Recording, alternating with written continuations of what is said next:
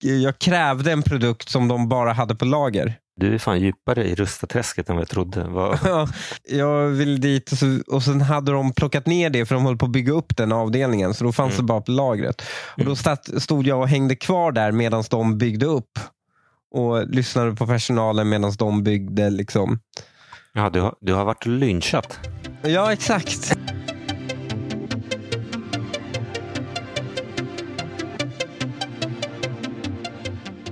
Välkomna till Snacka Cash, avsnitt 39 tror jag vi är inne på, eller hur? Jag tror det.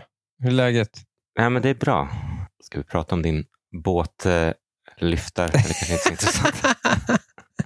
Jag bad Daniel komma förbi och hjälpa mig få upp båten. Ja, men jag, skulle, jag skulle komma förbi dig och eh, ja, vi skulle snacka lite om podden och jag, så vill du ha hjälp med att ta upp Ja. båten. Och jag, vilken ursäkt jag än kan hitta på när det är bra väder att åka långt med bil så tar jag den. Så det är typ så här, Ja. när folk bara, ska vi ses i stan och käka lunch? Så bara, men var bor du? Ja, men jag bor i typ så här, ja, men Åkersberga. Strängnäs. Strängnäs. Okej, ja, men jag Ja. kommer, jag kommer hem till dig. Ehm, så jag tog tillfället i akt och ta ut eh, Ferrarin och åka ut till dig. Och det är dessutom sån här jävla banbil, så den är liksom det mest opraktiska och så här hardcore. och sen så Eh, ja, allt gick ju bra. Alltså, det var inga problem att parkera vid hamnen. Eller vad heter det? Båt. Nej. Eh, marinan. Ja. På, på hemvägen så flyger däcket av ditt båtsläp. ja, exakt.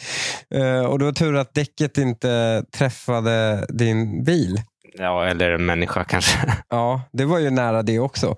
Men eh, jag tror den träffade bävern som bor i det här lilla träsket. Den åkte ner i.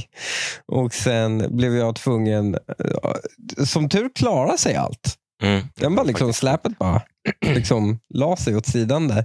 Men eh, båten klarade sig, allting klarade sig. Jag var tvungen att bara hitta ett 13-tums däck Mm. mitt på dagen bara. Men eh, det gjorde vi.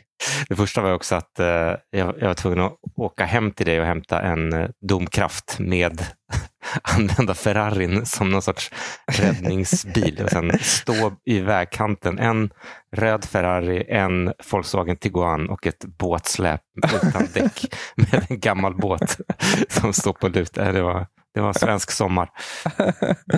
ja, det var mysigt. Men eh, vi har lite nyheter för podden. Ja, vi, Vi är ju sponsrade av Affärsvärlden nu. Ja, precis. Lite behind the scenes kan jag väl säga att vi har ju sagt att vi vill inte, ha, vi vill inte lägga in generiska annonser. Nej. Vi vill gärna hitta typ någon som kan vara någon, någon produkt som vi gillar för då blir det liksom, så att det blir bättre upplevelse för alla. Ja.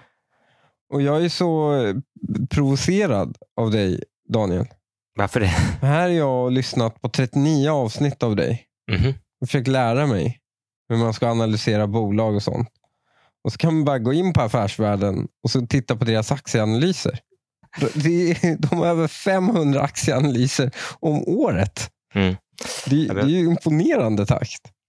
Alltså nu, nu alltså bo- bortsett, alltså nu får vi ju betalt för att Mm. säga något snällt. Men oavsett det så har jag faktiskt, jag, jag, till och från har jag läst Affärsvärlden i, alltså typ sen jag pluggade. Och Mm. det är ju en ny tidning nu, men det finns, jag tycker det finns, utöver aktieanalyserna så finns det några delar som, jag, som de har haft kvar hela tiden, trots att de har bytt management nu. Och det är ju bland annat den här, vet, du kanske inte har läst det, men de har ju alltid den här sista sidan där det är typ eh, den är typ det, det är typ skvaller och den är osignerad. Så, Tissel Ehm. och tassel som det heter på Hänt Extra. ja, precis. Och det var allt. Det är, det är fortfarande en av mina favoritsidor. Jag ska bara läsa upp det de skrev för typ någon vecka sedan då, om, eh, i den här texten. Ute på Birger Jarlsgatan ljuder ett rånlarm. Det är aktieägarna i Starbreeze som tryckt på knappen samtidigt som bolagets servrar brakar ihop under en spellansering. De sa ju att Payday 3 skulle bli en succé. I sju svåra år har vi väntat på det här bankrånarspelet. Ingen sa att det var vi som var måltavlan, ropar en bakbunden investerare. Hur har det gått för Payday? Lanseringen gick i varje fall dåligt. De hade ju 70 000, eller typ 80 000 spelare, eller concurrent som det är samtidigt, Mm, första dagen. Och nu är det väl under 10 000. Eh, Oj. och sen det är väl en kombo av serverproblem och konkurrens. Alltså, det, är, det är tufft att släppa spel helt enkelt. Det, var, det, var, det fanns ju en period där man Mm. bara tryckte ut var som, vad som helst och det bara Mm. flög. Liksom. Så jävla hårt nu. konkurren- Det är så hård konkurrens om människors, inte bara om spel, utan bara människors tid. Ja, men det är ju, I alla så här, spelbolags IPO-prospekt så står det liksom eh, spelbranschen växer med 5 miljoner procent spelare per sekund. Men Mm. det de glömmer nämna när de pekar på den underliggande tillväxten av gamers så är det ju att eh, det kommer, andelen spel som kommer ut växer typ lika mycket eller Mm. mer. Och det är sjukt koncentrerade köp bland alla. Alltså, även om du får Även om det kommer in liksom nya gamers så går de och köper Fifa, eller det heter ju inte Fifa längre, vad heter det nu? Det heter EA FC, eller vad fan det heter. Ja, just det. FC. Eh, men de köper Fifa, eller de köper EAs motsvarighet, sen liksom Call of Duty eh, eller GTA. Liksom. Mm. Om, man, om man ska köpa så här begagnat Xbox eller Playstation på Blocket, då, då medföljer alltid eh, någon, typ så GTA, Fifa. Mm. liksom. Mm. Men det, det, det är lite som att säga så här, ja, men starta ett nytt hockeylag. Hockey växer med så här många procent, men alla tittar på NHL. Liksom. Ja, exakt. Det är lite typ motsvarighet. Ja. Apropå IPOs Mm. så tänkte jag att vi skulle prata eh, Rusta, för de ska börsnoteras här på onsdag, så det blir väl typ imorgon från att det här sänds. ja, Och man kan ju gå in och eh, teckna aktier. Och eh, Affärsvärlden, lämpligt nog, de har faktiskt en, del som, som jag verkligen gillar, som de kallar IPO-guiden, där de Mm. Eh, vi har ju pratat hur mycket som helst om red flags och det är ju en del av deras IPO-guide. ja, de använder bara flagga allmänt som Mm. begrepp. Jag gillar ju röd flagga.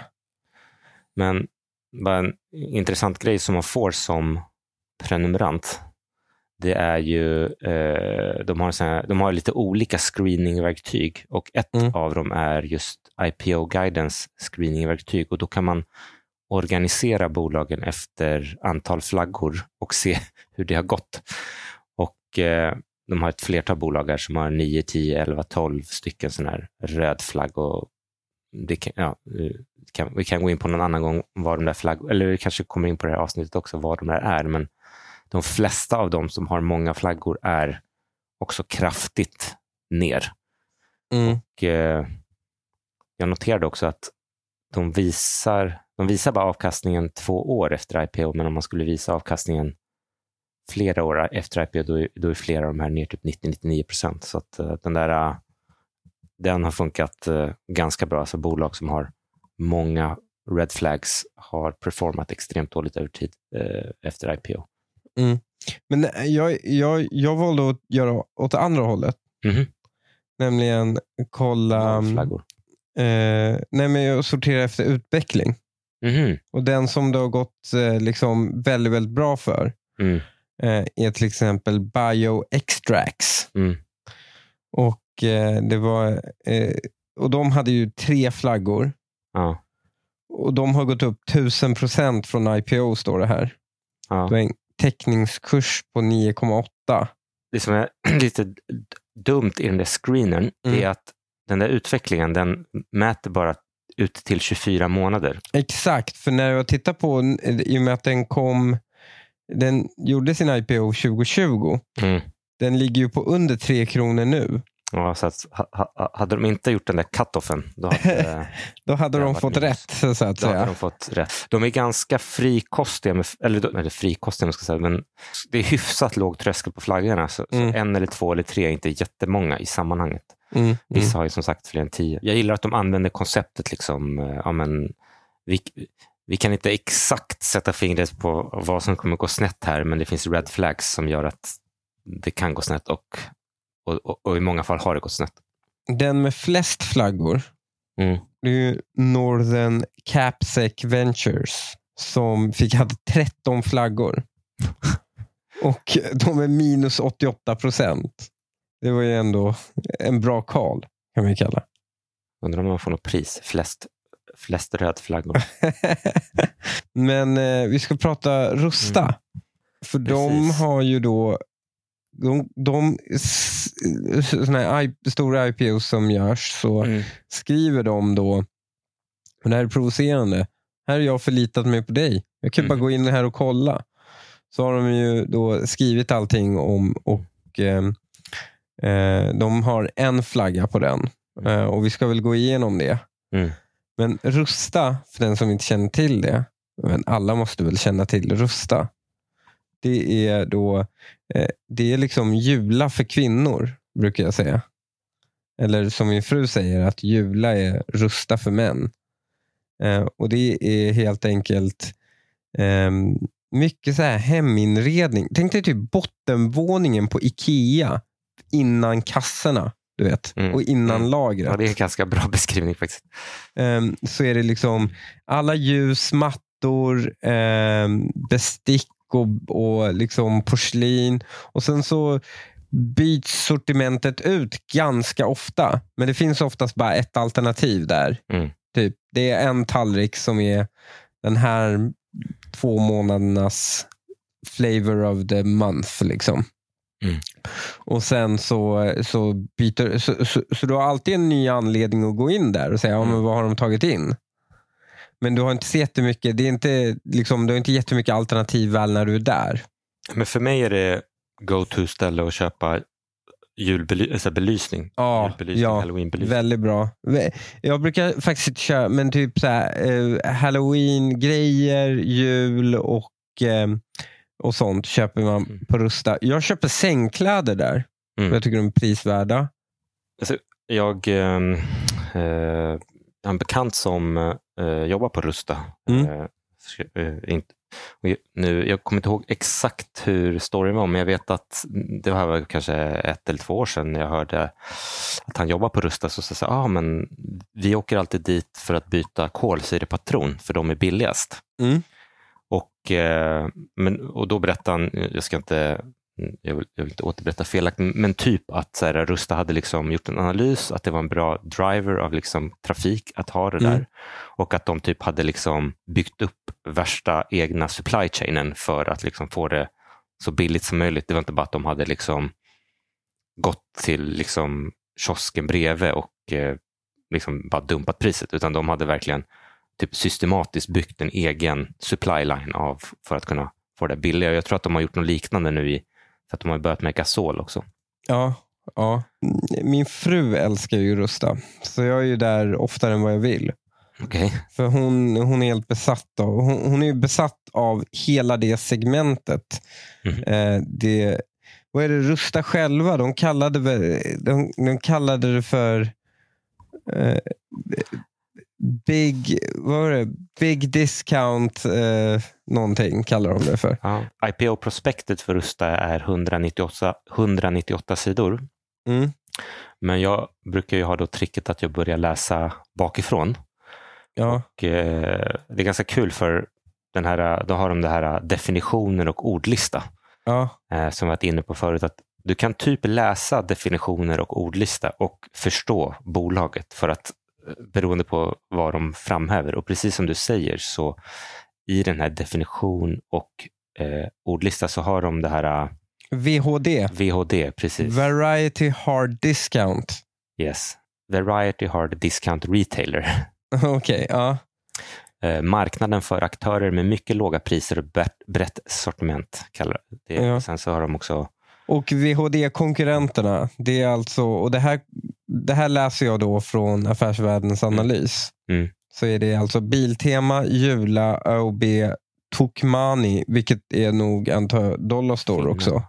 ja, Um, Puilo och Europris. Mm. Ehm, vissa av de här är inte i Sverige. Men Mm. i och med att Rusta är i eh, Sverige, Norge, Finland och även Tyskland nu för tiden, som Mm. jag förstått det, så, eh, så, eh, eh, så, så, så nämner de de finska och norska aktörerna också. Jag tänkte bara kort, eh, jag tror vi har pratat om IPO, om man bara skulle kunna kort beröra hur det funkar. Jag vet att många lyssnar på oss och lär sig saker. Mm. Ett bolag vill antingen ta in kapital och i Rustas fall så vill man faktiskt inte ta in några nya pengar alls, utan det är existerande typ ägarfamiljer som vill sälja en liten andel. I affärsvärlden tyckte att det fanns ingen uppenbar anledning för dem att sälja, så det skulle kunna vara lite frågetecken kring. Däremot kan jag tycka att den är lite, den är lite hård. Det vore en sak om det vore en superhet börs om man vill liksom dumpa ut aktier. Eh, men det är inte riktigt eh, som det är nu. Bolaget själva säger ju att det är liksom generationsskifte och man vill ge liksom barnen och så vidare möjlighet att ha ett noterat innehav. Mm. Jag tycker det låter rimligt. Kan du förklara lite av det här till mig som jag inte Mm. hänger med i? Så det är 30 procent av Rusta-aktierna som bjuds, bjuds ut. Mm. Och, Existerande, sälj, existerande ja, just det. det går, och då går, då går ju... Ja, nu, nu fattar jag. Nu är det, nu är det, då är det, men alla ägare är tvungna att ge bort en viss andel, antar jag. Och sälja. Eller? Eh, jag, faktiskt, jag, jag vet inte om det är så här prorata att alla säljer, men eh, För, och sen minskar de, för det är ju, två, det är ju grundarfamiljerna, Forsgren och Forsell. Mm. Okej. Och de minskar sina ägarandelar då från 41 procent till 29 procent. Yes. Men sen finns det så här, nyttjas, eh, det här står på Affärsvärlden, Mm. nyttjas noteringens övertilldelningsoption fullt ut Mm. kommer totalt 45 procent av aktierna i Rusta att byta händer. Och en övertilldelningsoption, Om det är väldigt stort intresse så har de möjligheten att sälja för mer. Då. Jaha, okej. Mm, mm. Men det står samtidigt så här. Grundarfamiljerna behåller även i så fall kontrollen sinsemellan, men totalt 53,5 procent av rösterna. Är det, är det olika viktade aktier då? Nej, för det, det, är inga, det, är inga, det är inga B-aktier här. Så. Nej, nej, okej. Men de har alltså 203 butiker i Sverige, Norge, Finland och Tyskland. Mm. Och huvudkontoret ligger i Mina Hoods gamla Hoods, Upplands Väsby. Sen IPO-processen är ju så att man går in på, oftast då i det här fallet på sin nä- nätmäklare och så eh, jag tror att eh, det minsta man kunde teckna här var 150 aktier och eh, i det här fallet så är aktiens pris angivet i ett intervall.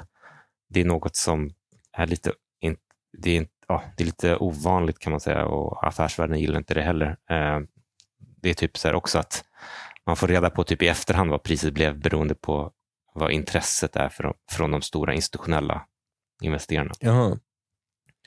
Men om priset blir 50 kronor då och det är 150 aktier, då är minsta investering 7500 spänn. Mm. Eh, ja, när man har en liten portfölj, alltså säg att du har en portfölj på 30-40 000, då, då, då tycker jag det här med IPOs kan vara ganska intressant. För, för i de allra flesta fallen, är det en bra IPO så kan du inte få mer än minimiantalet för att intresset är så stort. Så att, Mm, mm. eh, och jag skulle gissa på att även, nu är det ju lite tuffare tider, men kanske även i den här kommer det vara så att man kanske max kan få som privatsparare liksom för 15 000 eller någonting. Så att då behöver man ha ganska liten portfölj för att det ska få en, få en stor impact. Men det andra Mm. intressanta det är såklart att studera IPOn för att veta hur ska du agera om den går ner eller upp första dagarna. Och sen tilldelningen i en IPO, det är ju så att man, skickar, man anmäler hur mycket man vill ha. Och, i- och Carnegie i det här fallet, som är banken, de ringer runt till institutioner och frågar hur mycket vill ni ha? Och sen så blir det, det blir alltid övertecknat. En, en IPO är alltid övertecknad eller inställd. Så att liksom egentligen övertecknad i min värld det betyder att den inte var inställd. Och sen så bestämmer styrelsen hur mycket, enligt vilken tilldelningsprincip man ska ge. Ska man lotta ut eller ska man alla få minimum och så vidare. Mm, mm. Men då rusta då tillbaks till den. Ehm, jag har några eh, citat från vdn Ja. som var på en intervju med eh, vän av podden Ara Mustafa ja. på Nordnet. Och eh, jag valde ut några key moments som jag tyckte var intressanta. Han får frågan om eh, de funderar på att etablera sig i innerstan, specifikt i Stockholm.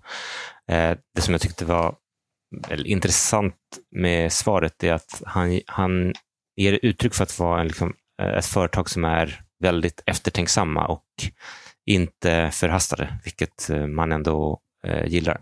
Vi finns nästan överallt. Vi finns på små orter och nästan hela vägen då till, till mycket stora orter. Vi finns dock inte i innerstadslägen i Stockholm just nu. Och det var mm. faktiskt något vi pratade om innan mm. intervjun började. Mm. Och då frågade jag eh, om ni inte ska göra som ÖoB och ha sådana här eh, innerstads... Eh, ja, men vi vill gärna, ja, vi vill gärna in. Men jag, jag, kan säga så här, en, en bärande del hos Rusta det är ju att vi ska ha ett koncept. Vi tror väldigt mycket på enkelhet. Att man gör samma lika hela tiden. För i det så finns det skalbarhet och stordriftsfördelar. Eh, så att vi vill gärna ha större yta än vad till exempel ÖoB har tagit därför att vi ska få in så mycket som möjligt av vårt sortiment. Det är inte lätt att hitta sådana lokaler i Stockholms innerstad. Framför allt inte till hyresnivåer som eh, vi vill ha. Det är ju det problemet Ikea har haft. Mm. Egentligen.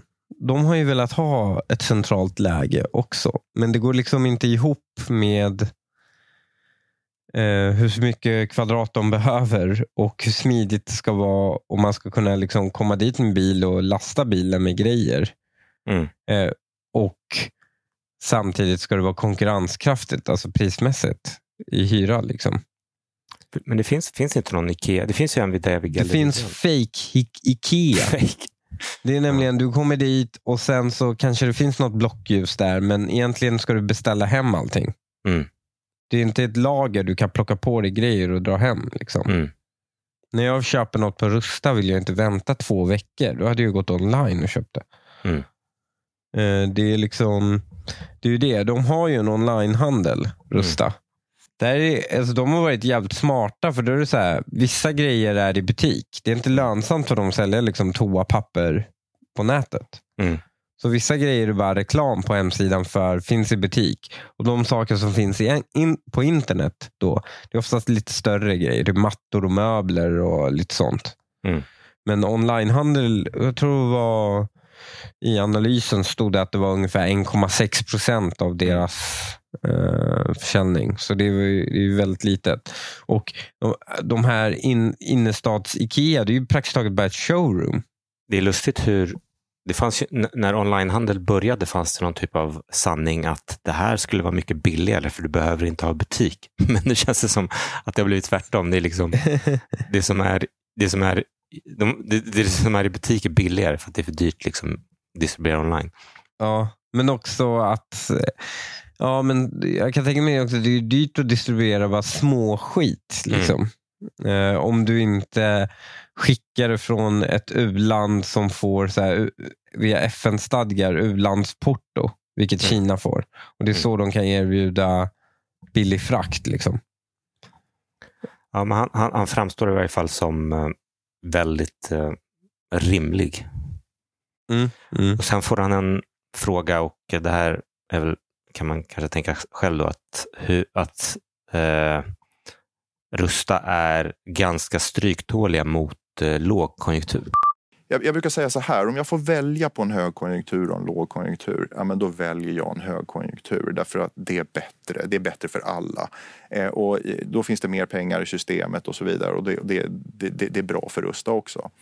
Eh, lågkonjunktur är inte lika bra men det är minst dåligt för Rusta av just det skälet som du är inne på. Det är väldigt många då som ändrar beteende.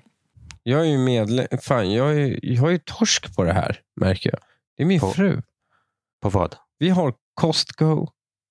Fan, jag eh, praktiskt taget bor på Dollarstore. Och det är Rusta. Det här är ett segment för oss. Custom made för vår familj här. Men eh, vi är en lågkonjunktursfamilj. sen vidare så gör han ju poängen att då, sen när högkonjunkturen kanske kommer så ser man ju inte någon poäng av att gå och köpa exakt samma vara för ett högre pris på Ica, Ica igen. Liksom. Nej, det blir, lågkonjunkturer blir liksom dörröppnare. Mm. Men jag undrar om, om, Rust, om Rusta expanderar kraftigt, skulle det minska KPI? och därmed sänka räntan. Det kanske är. Ja. Det, Men vi- vilka är deras dyrare konkurrenter då? Är det eh, Clas Olsson kanske? Då? Clas Olsson vet lite bättre är, eh, lägen. Ja, vad, menar du med, alltså, vad menar du med dyrare? Ica är väl? Ja det, är väl, ja, det är väl Ica Maxi innan du kommer till själva maten. Ja, precis. blir ju deras konkurrenter. Liksom. Och, eh, men sen en annan sak som förvånade mig var, fa- var faktiskt när han fick frågan om hur mycket och hur känsliga de är mot Kina och hur mycket som kommer därifrån. Hur känsliga är ni för eh, att ni har underleverantörer från Kina? Mm.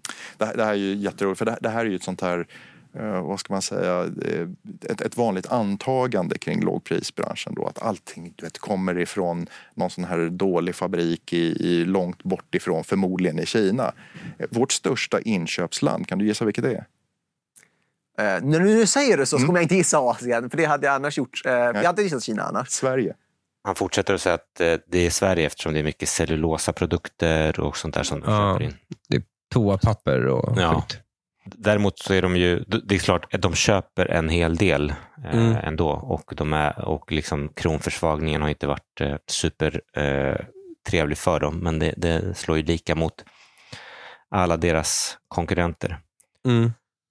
Och en annan sak som, eh, som togs upp i intervjun som jag faktiskt aldrig hade hört, men som jag tyckte var roligt och eh, nu, kommer, nu är det säkert dumt av mig att upprepa den här myten, men att om du, om du googlar på det så finns det någon urban legend om att Rusta och Livets Ord har en sammankoppling.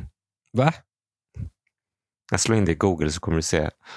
Ja, jag ser det. 2003 ser jag här i PC för allas e-forum.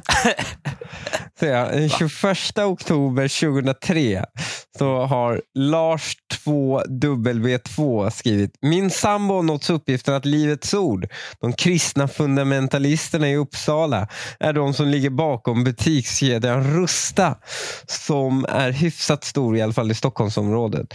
Nu vill hon att vi slutar handla där, vilket vore synd med tanke på de låga priserna. Jag sökte i Google och fick bara ett länk till svar. Där frågar någon samma sak och diskussionen spårar egentligen bara ut. Vet någon i detta sällskap mer i saken? Nej, det, det verkar vara en myt. Han, eh, I den här intervjun med, på Nordnet så säger han i alla fall att det eventuellt eh, var ett rykte skapat av en konkurrent RL-leverantör men att det absolut inte fanns någon sanning Vilket han för sig skulle säga om det var sant. Men, Det är ändå fint. 2003 då satt man där och, och var orolig att det skulle vara så Livets Ord som äger. Och idag, 2023, så är man mer orolig om det är kurdiska räven eller, en, liksom, eller någon salafistgrupp som äger en friskola som också investerar i det här. För att traska vidare i eh, analysen så eh, han säger, faktiskt, han säger i intervjun och bolaget tror jag upprepar också att man eh, siktar på att dubbla omsättningen eller att man har gjort det historiskt och siktar på att fortsätta dubbla omsättningen var femte år. Och att ungefär 30-50 procent av eh, vinsten ska gå till utdelningar. Och eh, det som är lite intressant att kolla på eh, som eh, affärsvärlden hjälper till med här, det är ju att de ställer upp en, ja, just som du sa, då, en, en analys jämfört med Rusta, Tokmanni, Europris, Clas Ohlson och något som heter Puillo i Finland. Och kollar på eh, alltså värderingen, eh, värderingsmultiplarna. Mm. Drar det grovt så kan vi säga att Rusta, lig, att, att, ja, Rusta ligger in line ganska mycket med de andra. Jag, jag förstår hur Carnegie har värderat det här. De har värderat det genom att kolla just på de här andra. Utifrån det här ganska rätt värderat. Det är väl också det som är rubriken på deras analys, ingen rea på Rusta. Men det finns ju en faktor här som inte affärsvärlden alls berör Mm. och det är ju storyfaktorn. Just det. Alla har en fru som tvingar en ut till Rusta. Det kan finnas någonting där i att liksom det är ett varumärke som du ofta stöter på, ofta handlar med Mm. och baserat på det kan bara, men jag, det är väl lika bra att äga lite Rusta-aktier eftersom jag ändå är där varje Ja. Ja.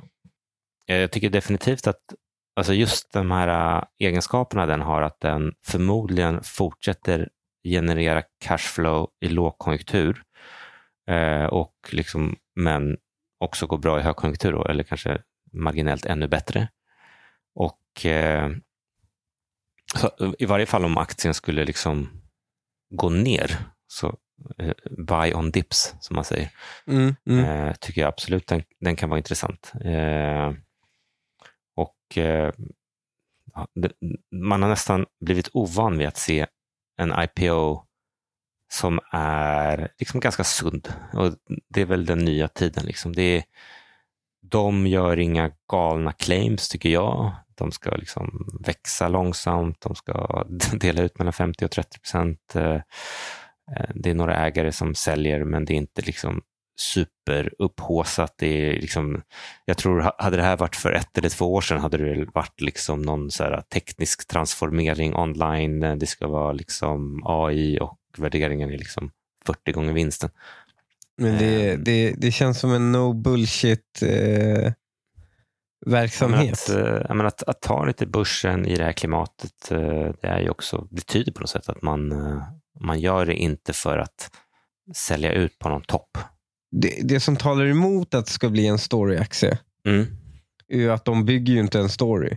Han borde ju bara ridit på det här Livets ord-grejen. Vi har en mission from God att sänka priserna. Alltså det, det, det är så han borde spunnit på det här. Vi har en mission from God att ha avkastning hundra år framåt. Exakt. Målet är att vi ska vara den första lågpriskedjan på Mars. Inleda samarbete med Elon Musk. Men jag tror på något sätt känns det som att hela börsen, inklusive Carnegie som är då rådgivare här, Mm. suk, suktar efter en lyckad notering. Mm. Eh, så man, man kan väl teckna lite. Jag var faktiskt inne på Rusta förra veckan. Mhm. Och de höll på att sätta upp eh, ny dekor. Alltså en ny, det var en ny layout de skulle ha på alla sina eh, varuhus. Eh, och Det var så jävla streamlinat och välgenomtänkt hur de skulle bygga ihop all inredning och sånt. Och Det var så här enkla skisser så deras personal bara bygger upp de här hyllorna jävligt snabbt. Och Det är liksom 3D-skissat hur de ska göra. Hur, hur såg du allt det här? Jag, för, för jag, jag krävde en produkt som de bara hade på lager. Okej. Eh, eller för de hade plockat fan, ihop du, det. För de du, höll på du, är, du är fan djupare i Rustaträsket än vad jag trodde. Vad, Ja. Nej, men jag, jag, jag, jag vill dit och, så, och sen hade de plockat ner det för de höll på att bygga upp den avdelningen. Så då fanns Mm. det bara på lagret. Och Mm. Då stat, stod jag och hängde kvar där medan de byggde upp. Och lyssnade på personalen medan de byggde. Liksom. ja, du, har, du har varit lynchat. Ja, exakt. Och eh, det, var- det var bara så jävla smidig process. Det var liksom tre, tre anställda, helt vanliga anställda. Inga hantverkare, ingenting. Det var liksom äldre tanter som bara Mm. smällde upp de här grejerna, en hel avdelning på en kvart. Liksom. Ja, han, han nämner faktiskt vd i den här intervjun att eh, liksom, försäljnings... Han får fråga så, kommer ni öka vinsten försäljning genom att ha liksom, mm, vad vet jag, self-checkout och sånt där? Så han sa, nej men det handlar mycket mer om liksom, ljussättning och butiksinredning och hur rör sig kunden och, och, liksom, och sånt. Eh, vad har Rusta för planer framgent? Och här tänker jag liksom i butikerna. Ja, precis. Är det Ja. självskanning? Är det, jag vet inte, vad, vad är det? Ja, precis. Nej, men det, det, det är ju en av de grejerna. Men man, man, man kan väl säga så här att Eh, en, en väldigt viktig del av vår framgång har varit att hela tiden investera i varuhusen och i koncepten. Och det kanske inte alltid är de stora teknologiska landvinningarna eh, utan det kan vara små steg hela tiden. Men eh, jag tycker att ett vanligt misstag det är att man lägger pengar på en ny butik för det är kul och så glömmer man den gamla butiken. På Rusta så är den äldsta butiken är ungefär fem år gammal, senast senaste renovering eller uppbyggnad. Att hålla ihop kundmötet och att hela tiden hitta nya små saker. Så att vi har en avdelning som hela tiden jobbar med hur köper kunderna, hur går man, hur tänker man, vad händer i sortimentet och sen även då teknologiska landvinningar och försöker bygga in dem där hela tiden så att vi kon, liksom konstant med små, små steg eh, förflyttar liksom Men kan du nämna några konkreta så små förändringar som ni gjort som blivit bättre? Eh, ja, det har med allting från eh, liksom belysning till hur vi kommunicerar med kunden. Det är väldigt mycket det. Köphjälp. Vi vill ju att vi ska ha en ganska, ska säga, en eh, köp, alltså att hitta och handla ska vara enkelt. Du ska inte behöva fråga personal. Så att väldigt mycket utav, utav eh, liksom kundvarvet bygger ju på tekniska eh, liksom köphjälpar där du, där du kan välja din eh, färg eller planera för eh, liksom, din inredning eller rummet och så vidare. Alla de här sakerna som, som, som så att säga hjälper med det. Om man då vill läsa de här eminenta IPO-guiderna av affärsvärlden så har vi en liten kod. Ja, vi har en rabattkod. Äntligen! Det här är min första rabattkod. Är det det? Okej. Ja. Men jag tycker alltså, rabattkoden är 50% rabatt de tre första månaderna. Men tycker man ska inte vara dumsnål nu och Mm. inte prenumerera på det här och bara försöka läsa gratisartiklarna. För alla de här screenersarna och med analysverktygen och deras modellportföljer och så vidare som vi kanske kan komma in på nästa gång. Det är, det är en riktigt mysig hemsida om man är intresserad av aktier att eh, spendera mycket tid på. Och en annan sak som jag, vi hade ju deras, vi hade ju Otto med i förra avsnittet. Det var faktiskt, Mm. det var faktiskt oberoende av det här eh, ja, samarbetet. det var innan så att säga vi hade eh, Men- bli, blivit sponsrade av dem.